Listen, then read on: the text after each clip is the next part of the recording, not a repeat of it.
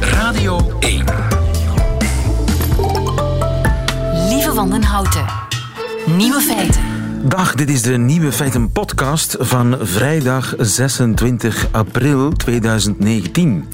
In het nieuws vandaag dat de computer nu ook in zijn eentje death metal kan maken. En niet zomaar één liedje. Nee hoor, twee Amerikaanse muziektechnici hebben hun computer geleerd om helemaal zelfstandig, live en online, 24 uur op 24, een eindeloze stroom pokkenherrie te produceren. De computer gebruikt een programma voor kunstmatige intelligentie en is gevoed met snippers death metal. Het programma leerde daarvan hoe de muziek in elkaar zit en begon zelf met snerpende gitaren, gebrulde tekstflarden en snoeiharde drums te knutselen. En het resultaat is verbluffend.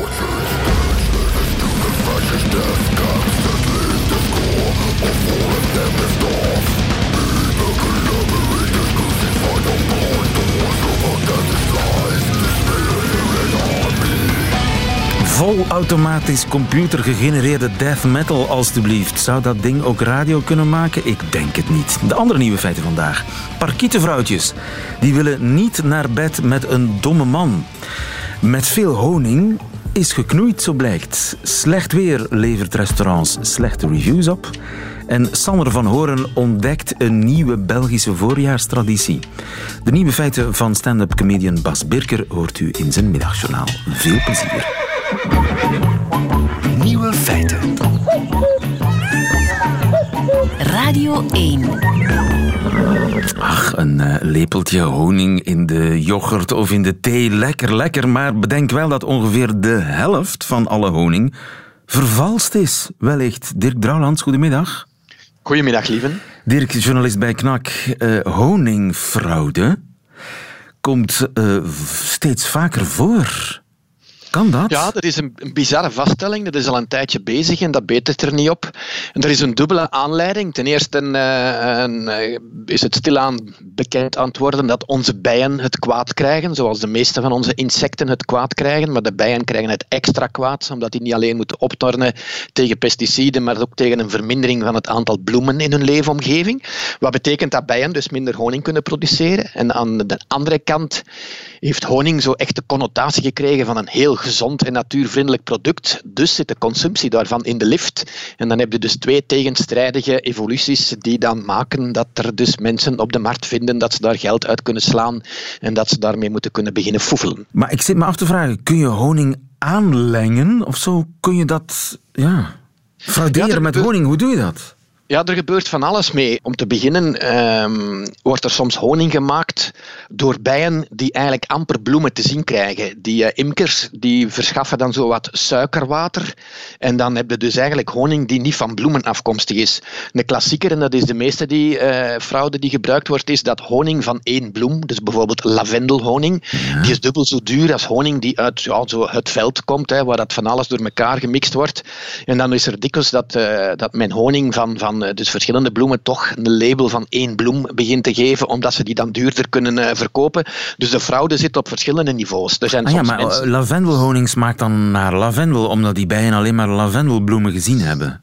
Voilà, dat wordt dan verkocht als lavendelhoning, maar als dat bijen zijn die eender waar eh, op eender welke bloem zijn terechtgekomen, wat, wat dikwijls de regel is, hè, want je moet al heel goed uh, te werk gaan om, om je bijen specifiek in lavendelvelden te zetten, zodat er niks anders is. Dat is een extra inspanning, dus wordt die honing duurder. Ja. Dus als je dan honing die gewoon uit het veld komt, bij wijze van spreken, kunt labelen als lavendelhoning, kan je die soms dubbel zo duur verkopen ja. eh, dan in het originele geval. Dat is en je doet er een beetje lavendelolie bij voor de smaak. Ja, er zal wel lavendel tussen zitten. En er zijn er bijvoorbeeld aan producenten, want soms zijn ze heel, heel uh, inventief. Sommige producenten, vooral in de Verenigde Staten, hebben nu uh, um, de tendens om de pollen, dus het stuifmeel van de planten, uit die honing te halen. Wat impliceert volgens hun dat de consument dat liever heeft, omdat de honing dan helderder is van structuur. Maar als er geen pollen meer in honing zit, kunnen de controlerende instanties niet meer nagaan van, van waar is die honing uh, gemaakt.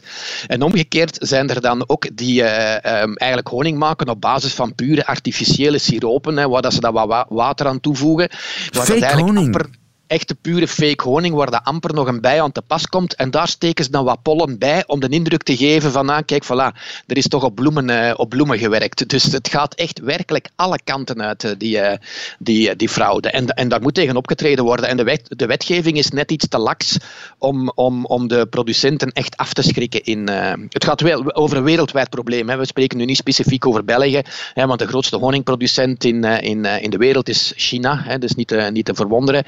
Maar België is bijvoorbeeld in Europa de derde grootste importeur van honing. Dus, uh, dus uh, enfin, testaankoop en, en uh, andere organisaties die zitten daar wel met argusogen naar te kijken.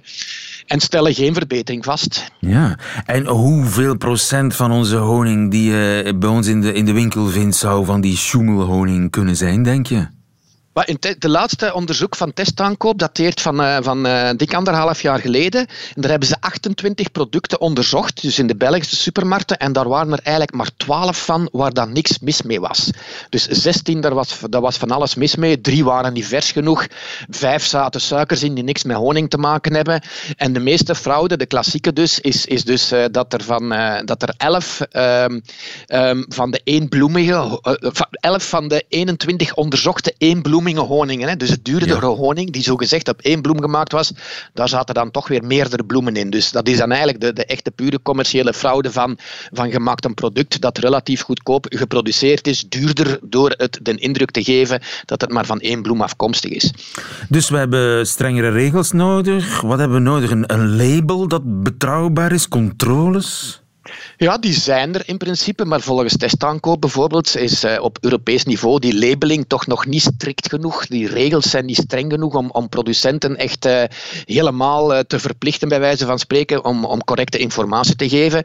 In België worden de Europese regels dan nog eens lakser omgezet in, in, in, onze, in onze regelgeving. Hè. Dus het, de, de, de wetgeving is duidelijk. Hè. Honing moet natuurlijk zijn, moet vers zijn en er mag niks aan toegevoegd worden en er mag niks extra aan behandeling mee, mee, mee gebeurd worden. In China bijvoorbeeld hebben ze soms de neiging om die honing te vroeg uit de bijenkorven te halen, maar dan artificieel te drogen, omdat ze daardoor een hogere productie kunnen halen. En dat mag dus niet. Dat is een behandeling en in principe mag dat niet. Maar ja, het is niet altijd gemakkelijk te controleren om, om op, op al die honingen van wat dat er precies mis mee gegaan is, want dat zijn nogal, uh, nogal laboratorium-intensieve analyse. Dus eigenlijk is het een markt die bijna vraagt om uh, gefraudeerd te worden. En koop jij nog honing? Ik wel, ja. Ik ben een grote honingeter, ja. ja. Maar, maar ik, ik en ben heb jij een tip voor mij? Nee, ik ben een hele slechte labellezer. Dus, uh, maar maar uh, lavendelhoning vind ik zalig. Hè. Dus het, uh, er was er één in, in dat artikeltje dat ik in de knak geschreven had, was er één die, ze, die, die verbeterd was volgens testaankoop. wacht, ik zal eens zien of dat ik dat hier direct kan, kan terugvinden. En met verbeterd bedoel je dat positief? Positief, ja. Dus dat een, een, nou, de lavendelhoning uit de Provence van de verdeler Cora. Die had uh, volgens testaankoop onmiddellijk in, in, als reactie op de analyses die zij gedaan hebben, uh, ingegrepen. En die honing is dus effectief nu authentieke lavendelhoning. Daarmee wil ik dus niet zeggen dat de rest dat dus niet is. Maar uh, er zijn wel mensen blijkbaar die inspelen op, op, op die tests die gedaan worden. Alleen ja. is het, ja, het blijft, ja, het blijft vechten. Zoeken en, tasten en vechten en gokken, voilà. zolang er ja, geen betere regels en toepassing van die regels is. Dankjewel. Dirk Drouwlands, goedemiddag. Goedemiddag, lieven. Nieuwe feiten. De ontdekking van België. Meer bepaald de Belgwording van Sander van Horen, correspondent Brussel voor de NOS. Anderhalf jaar geleden verhuisd van Libanon naar België, een land dat hij elke week beter en beter leert kennen, zo blijkt. Goedemiddag, Sander. Hallo. Sander, wat heb jij deze week in dit land meegemaakt? Dat jullie een mooie nieuwe traditie, seizoenstraditie erbij hebben. Een seizoenstraditie? Kijk, in Nederland hebben we er ook eentje. Uh, elke voorjaar gaan we kijken waar de beste haring verkocht wordt. En elk najaar gaan we kijken waar de beste oliebol uh, verkocht wordt. En dat haalt dan de kranten. En uh, dan gaat iedereen praten over het nut en de noodzaak van dat soort tests. Maar jullie hebben dat opgeschaald en dat vind ik wel chic. Hier gaat het tenminste ergens over bij de seizoenstraditie. Namelijk het in het voorjaar voorjaar het afschakelplan water en in het najaar het afschakelplan elektriciteit. Ja, ja. mooie Belgische traditie toch? Maar het is weer uh, zo enorm. Maar er speelt in elk geval wat. Hè? Ik bedoel, dat moet je meegeven. Uh, droogte is er in Nederland ook. Um, tekort aan elektriciteit iets minder. Maar um, dat, dat zijn zaken die in Nederland ook speelden. En ik begon natuurlijk smalend over het afschakelplan water. Maar wij in Nederland blijken ook een droogteplan te hebben. Natuurlijk, we hebben overal een plan voor. Jullie een beter plan? Nou, ja. Ja, sorry. Nee, toch wel. Nou, of in elk geval... Dat verbaast me toch weer. Of in elk geval, uh, dat wat je eruit ligt zegt ook iets over het land. Hè? Want in ons droogteplan bijvoorbeeld wordt geregeld dat er in tijden van nou, overschot aan water in zandgronden bijvoorbeeld en in bekkens uh, wordt er water opgevangen om in tijden van droogte door te kunnen drinken en niet te hoeven kiezen tussen uh, industrie, mens en natuur. En dat is dan meteen de keuze die er in België uitgelicht wordt. En dan komt dat afschakelen als een soort jaarlijkse angstmakerij komt weer uh, naar boven. Terwijl ik denk, het is verkiezingstijd. Regel het. Aha, dus je zou gaan verwachten dat zowel het elektriciteitstekort als het watertekort een thema is bij de verkiezingen. Nou, er zijn mindere thema's om over te praten, toch? Ja. En dus heb ik gisteren naar het debat gekeken aan de UGent. Heb je het gezien? Nee. Het werd gestreamd op jullie eigen site. Dat was uh, heel vrij. En daar zaten de partijvoorzitters bij elkaar. En ik heb echt gekeken van, dit is het nieuws van de dag. In Nederland zijn we soms wel eens te hyperig in de politiek... maar daar zou het erover gegaan zijn. Helemaal niet. En dat, dat vond ik wel fascinerend, omdat het me al eerder was opgevallen dat de campagne tot nu toe eigenlijk over weinig gaat. Uh, het klimaat, nou ja, we hebben de klimaatbrossers gehad natuurlijk, te vroeg gepiekt, uh, dus dat is geen thema meer.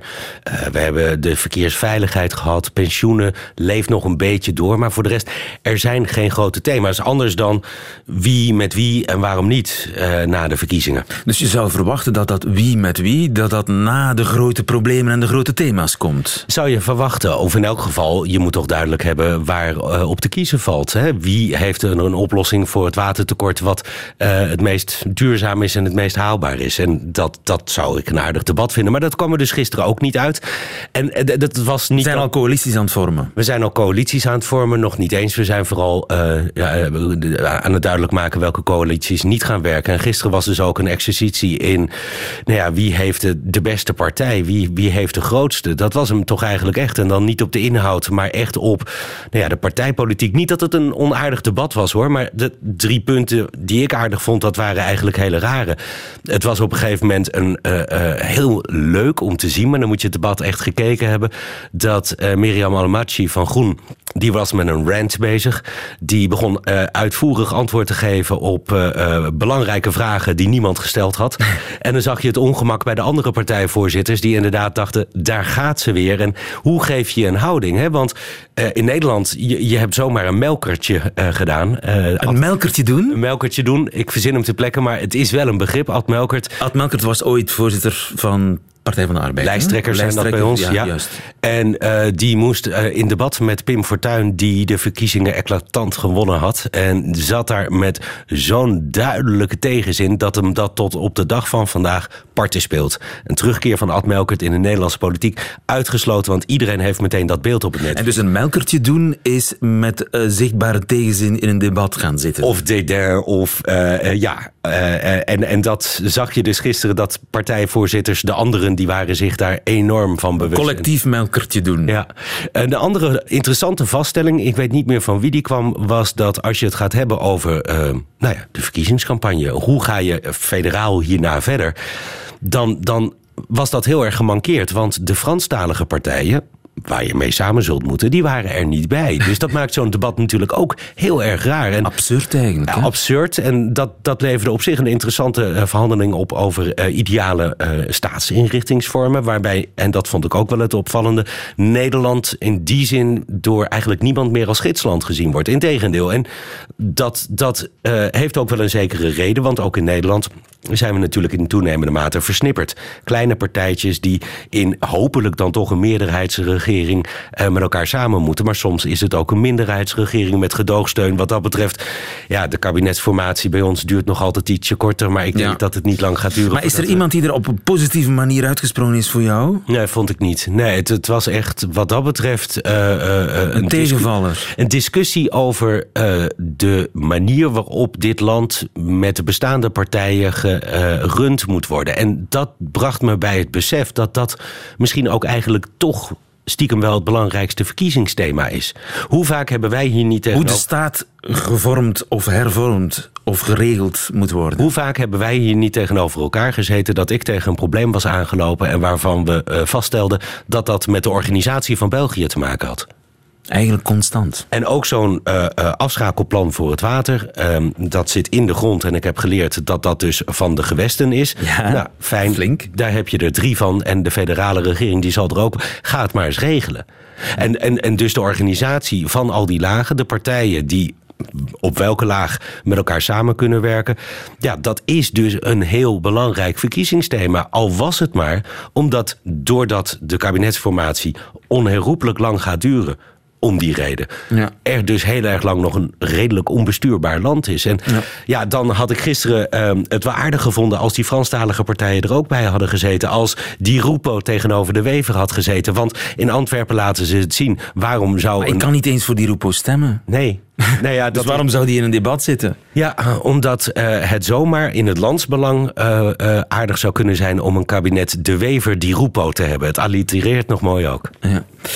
Maar goed, we hebben geleerd ook dat in België de problemen pas opgelost worden als ze zich stellen. Overigens, van wie is die gevleugelde uitspraak? Hij zou van iedereen kunnen zijn. Ik los Maakte de problemen pas op als ze zich stellen. Dat is een standaard antwoord van een ex-premier. Gaaf. Voor Hofstad? Nee, het zal nee, niet. nee, nee, Jean-Luc Dehane, zijn Ja. voorganger, die zei dat ik, eh, als- als, hij een moeilijke vraag kreeg, we lossen de problemen pas op als ze zich stellen. Ja, dat is.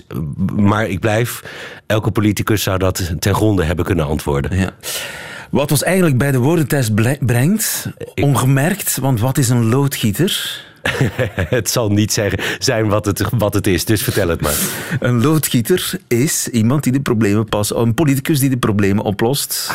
Als ze zich stellen, en eigenlijk de eh, loodgieter bij uitstek was. Jean-Luc Dehane. Ja, mooi. Iemand die praktisch denkt, niet ideologisch gedreven, die alles oplost ad hoc met typisch Belgische compromissen. Ja, ja.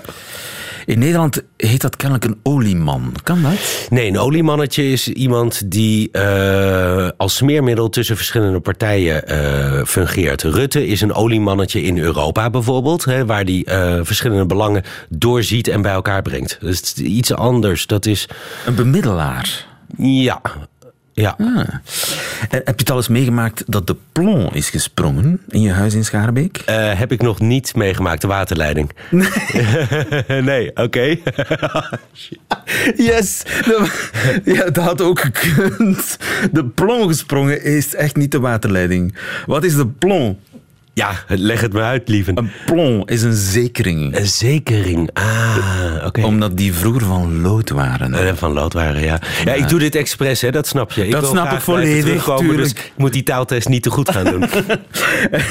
Overigens, eh, eh, je hebt dochters, hè? ja.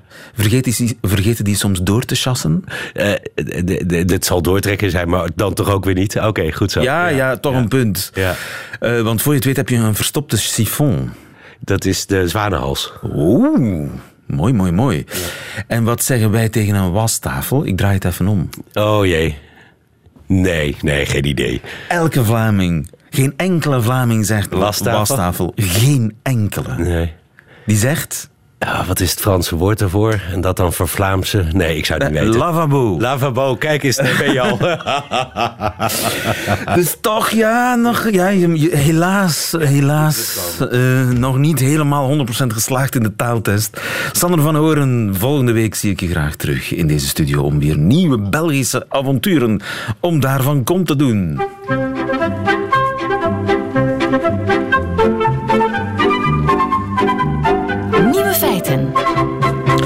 Eerst is aangetoond dat ook dieren slim zijn sexy vinden.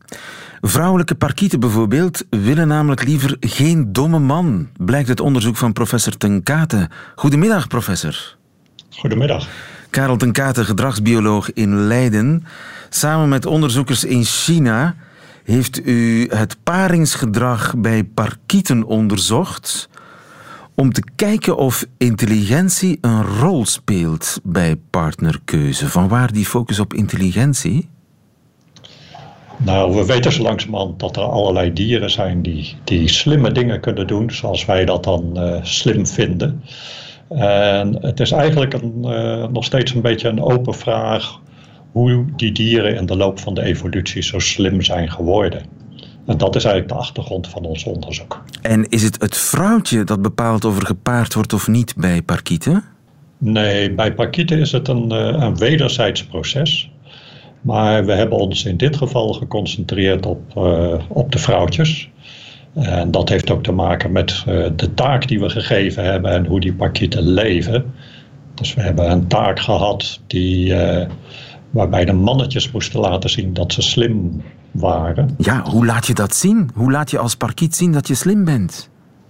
Ja, dat uh, kunnen ze natuurlijk in de natuur. Op, zouden ze dat op verschillende manieren kunnen laten zien. Maar daar hebben wij niet naar gekeken. Maar we hebben mannetjes een taak gegeven, of liever gezegd, we hebben een aantal mannetjes een taak geleerd. En dat was het openmaken van een aantal puzzeldoosjes. Puzzeldoosjes? Ja, dat zijn uh, uh, voerbakjes die alleen geopend kunnen worden wanneer de parkieten een aantal handelingen uitvoeren en in de juiste volgorde uitvoeren. Dus ze moesten ergens een dekseltje afhalen en een laadje uittrekken. En, dat, uh, uh, en die taak hebben we aan een aantal mannetjes geleerd. Een soort examen eigenlijk? Ja, ja, een training die ze hebben gehad. En andere mannetjes uh, werd dat niet geleerd. En de mannetjes die het geleerd hadden, die bleken aantrekkelijker te worden voor de vrouwtjes. Dus mannetjes die het eerst niet konden, werden door vrouwtjes genegeerd. Maar diezelfde mannetjes die dan plotseling iets geleerd hadden, die werden heel aantrekkelijk gevonden. Ja, dat klopt. Dus eerst hadden, helemaal vooraf aan het begin van het experiment, kreeg ieder vrouwtje de keus tussen twee verschillende mannetjes. Daar kon ze bij gaan zitten en uh, mee uh, interactie hebben. En uh, degene met wie ze de minste interactie had, dat was kennelijk de minst aantrekkelijke. En dat zijn de mannetjes die we getraind hebben. En na de training kregen die vrouwtjes te zien dat het mannetje was waar ze eerst niet zoveel van moesten hebben, dat die die doosjes kon openmaken. En ze zagen ook dat het andere mannetje het niet kon. En toen zagen we dat ze ineens een voorkeur hadden voor het mannetje dat ze eerder die doosjes hadden zien openmaken. Ja, dus ze was van gedacht veranderd nadat ze hem slimme dingen had zien doen. Um, wat zou Darwin van dit experiment gevonden hebben? Nou, ik denk dat hij het erg leuk gevonden zou hebben, want hij was iemand die uh, ooit in het verleden alles had gezegd dat uh, ja, slimheid een, uh, een eigenschap is die een rol zou kunnen spelen bij partnerkeuze. Of liever gezegd, dat slim worden iets is wat ontstaan is onder invloed van het feit dat, uh, dat dieren of mensen een voorkeur zouden kunnen hebben voor een slimme partner. Ja, dus niet alleen survival of the fittest, maar ook survival of the smartest. Dat zou je kunnen zeggen, ja. ja. Maar dat is bij dieren heel moeilijk aan te tonen of nooit eerder aangetoond. Ja, dat is ook lastig om dat aan te tonen. En uh, ja, we hebben een experiment bedacht waarin, uh, waarin we dus eigenlijk gesuggereerd hebben aan, uh, aan een dier dat de ene partner slimmer is dan de ander. Uh, dus we hebben gebruik gemaakt van, nou ja, van die training om de indruk te wekken dat een bepaald mannetje slimmer is dan een ander mannetje. Ja. En dat is eigenlijk ook het vernieuwende element in ons experiment. Juist, ja. Want ja, de andere kenmerken die door de evolutie ondersteund en versterkt worden, ja, de, de fysieke fitheid of de indrukwekkende verenpracht of een, een complex dansje kunnen doen of een fenomenale lokroep hebben of imposante manen zoals de leeuw, ja, die kun je gewoon zien, hè? Ja, zeker. En, uh, en uh, er is dus ook wel eens in het verleden gesuggereerd dat uh, sommige van die mooie eigenschappen, dat er een relatie is tussen nou ja, het hebben van mooie veren en slim zijn. En dat een uh, vrouwtje of een partner door een dier met mooie veren te kiezen ook een slimmere partner zou krijgen. Maar dat zijn dus indirecte relaties. En uh, in ons experiment hebben we dus rechtstreeks getest of het zien Ja. van slimheid een rol kan spelen. Bij grasparkieten, maar wellicht ook nog bij andere diersoorten. Ja, dat zou heel goed kunnen. Dus uh, de vraag is nu van, komt dit ook bij andere diersoorten voor? En we verwachten dus eigenlijk dat er nu verschillende mensen met dit soort methoden, of misschien dingen die daarop lijken, misschien zelfs nog betere methoden dan wij hebben gedacht, uh, zullen proberen om dit soort resultaten ook bij andere diersoorten aan te tonen. Ja, domme mannen zijn niet sexy bij de parkieten. Dankjewel, professor Tenkate. Goedemiddag. Goeiedag. Radio 1. Nieuwe feiten. Lieven van den Houten. Slecht weer levert restaurants slechte reviews op. Goedemiddag, Nathalie Dens. Goedemiddag. U bent hoogleraar marketing aan de Universiteit van Antwerpen. En u heeft zelf ook onderzoek gedaan naar online reviews. In de Verenigde Staten zijn er meer dan een miljoen gecheckt. En wat blijkt, dat als het regent, een restaurant bijna drie keer meer kans heeft op een slechte review dan op een goede. Verbaast u dat? Dat klopt volgens het onderzoek. Wel niet volledig. Het heeft te maken met het feit dat mensen, als het eh, goed weer is, beter gezind zijn. En dan zijn er een aantal mechanismen die dat kunnen verklaren. Um, namelijk ten eerste het feit dat je, er is zoiets als wat we noemen mood congruent judgment. Dat betekent dat je eigenlijk alles in de wereld gaat beschouwen in functie van je gemoedstemming. Dus Ja. ben je goed gezind, dan gaat de hele wereld er plots beter uitzien. Alles wordt mooier als de zon schijnt. Ja, dat klopt. En eh, het is heel sterk als je kijkt naar de reviews die klanten van 32 restaurants van dezelfde keten in Florida online hebben achtergelaten. Dan stijgt het aantal slechte recensies op regendagen en ook op bloedhete dagen. Dus als het te warm is, dan vinden de mensen de soep ook minder lekker. Ja, dat klopt. En het heeft allemaal te maken met een spiraal. Als je je goed voelt, dan zoals ik zei, ja, dan schijnt de zon echt letterlijk overal. Uh, en dat heeft echt een, een soort spiraaleffect. Je ziet meer positieve dingen, maar je gaat achteraf ook meer positieve dingen onthouden. Ja, en misschien is het personeel ook weersgevoelig. Dat zou er ook mee kunnen te maken hebben, want natuurlijk als je andere mensen ziet lachen, dan ga je zelf ook sneller lachen en ja, ga je ook opnieuw heel de wereld uh, in een positiever daglicht zien. Um, dus dat zal zeker ook een rol spelen. Ja, dus het is een soort negatieve spiraal, een sneeuwbaleffect. Slechtgezinde klanten uh, maken ook het personeel kittelorig. Ja, en dan speelt er nog iets mee, dat heet confirmation bias. Dat wil zeggen, als je eerste indruk al ergens negatief van is, dan ga je eigenlijk achteraf enkel op die informatie letten die dat eerste beeld ook gaan bevestigen. Uh, dus als je al een negatief beeld krijgt van iets, of je eerste indruk is negatief, dan ga je alleen maar letten op de negatieve puntjes die die eerste negatieve indruk verder gaan bevestigen. Ja, dus dat gaat die spiraal ook nog eens extra versterken. We mogen hopen dat de professionele recensenten daar minder voor gevoelig voor zijn, toch? Dat zijn eigenlijk redelijk automatische processen die uh, in Waar zelfs professionele last van kunnen hebben. Ja, zeker.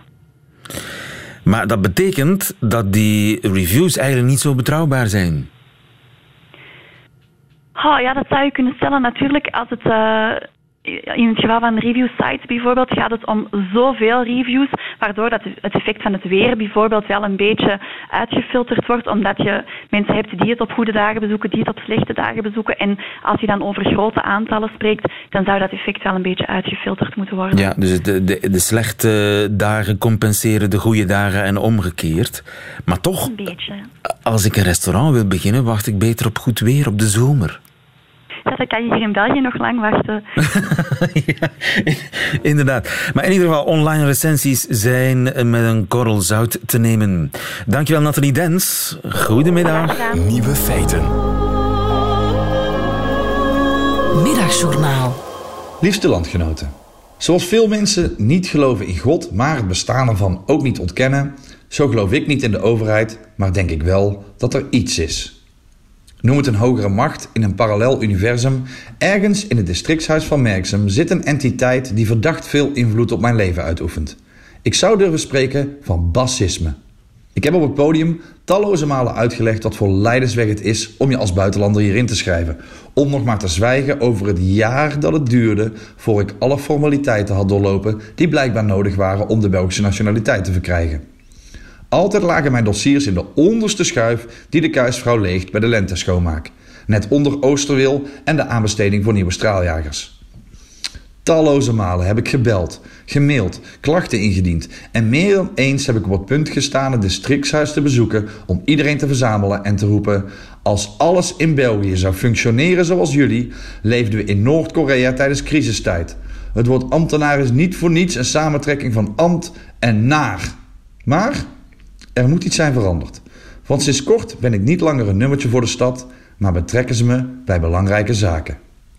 Ondanks dat ik geen echte BV ben, zou het kunnen zijn dat ik ben opgevallen natuurlijk. Er wonen vast wel wat Nederlanders in Merksem, want de huizen zijn er goedkoop. Maar het lijkt me sterk dat veel van mijn landgenoten zich zo verwant voelen met hun woonplaats dat ze zich laten naturaliseren. Misschien zit mijn dossier dermate vol met nare brieven en geweldige suggesties dat de schuif niet meer dicht gaat en ambtenaren in mij hun nieuwe leider zien. Of misschien heeft de districtsburgemeester een oogje op me. Ik weet het niet. Maar feit is dat het district zoveel vertrouwen heeft in ondergetekende dat ik een aangetekend schrijven ontving waarin ze me vroegen om de komende verkiezingen in goede banen te leiden. U hoort het goed, landgenoten. Na tien jaar lang als allochtoon te zijn genegeerd, is het nu aan deze genaturaliseerde Belg om te gaan bijzitten. Mijn eerste federale stem en gelijk mag ik een van de bouwstenen van het kiesstelsel zijn. Ga ik zitten? Ja, zeker. Ik maak in mei een eenmalige nieuwe show en alle inspiratie is welkom. Ga ik de verkiezingen beïnvloeden? Misschien. Maar als in één Antwerps kiesdistrict de uitslag significant afwijkt van het gemiddelde, dan moet u maar denken: die Bas Birker, die gelooft niet in democratie, maar hij denkt wel dat er iets is.